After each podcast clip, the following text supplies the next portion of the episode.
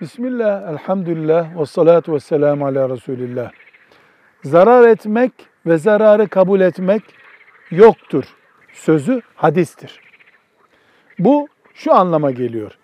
Müslüman kimseye zarar vermez. Bir, Müslüman kendisine yapılan zararı da olduğu gibi kabul etmez. Zarara uygun tip olmaz. Üç, ortada bir zarar olursa, bu zararı yaparsa mümin bunu telafi eder, karşılar. Kendisine yapılan bir zararın da telafi edilmesini ister.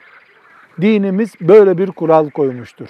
Ne zarar etmek var, ne zararı kabul etmek var. Velhamdülillahi Rabbil Alemin.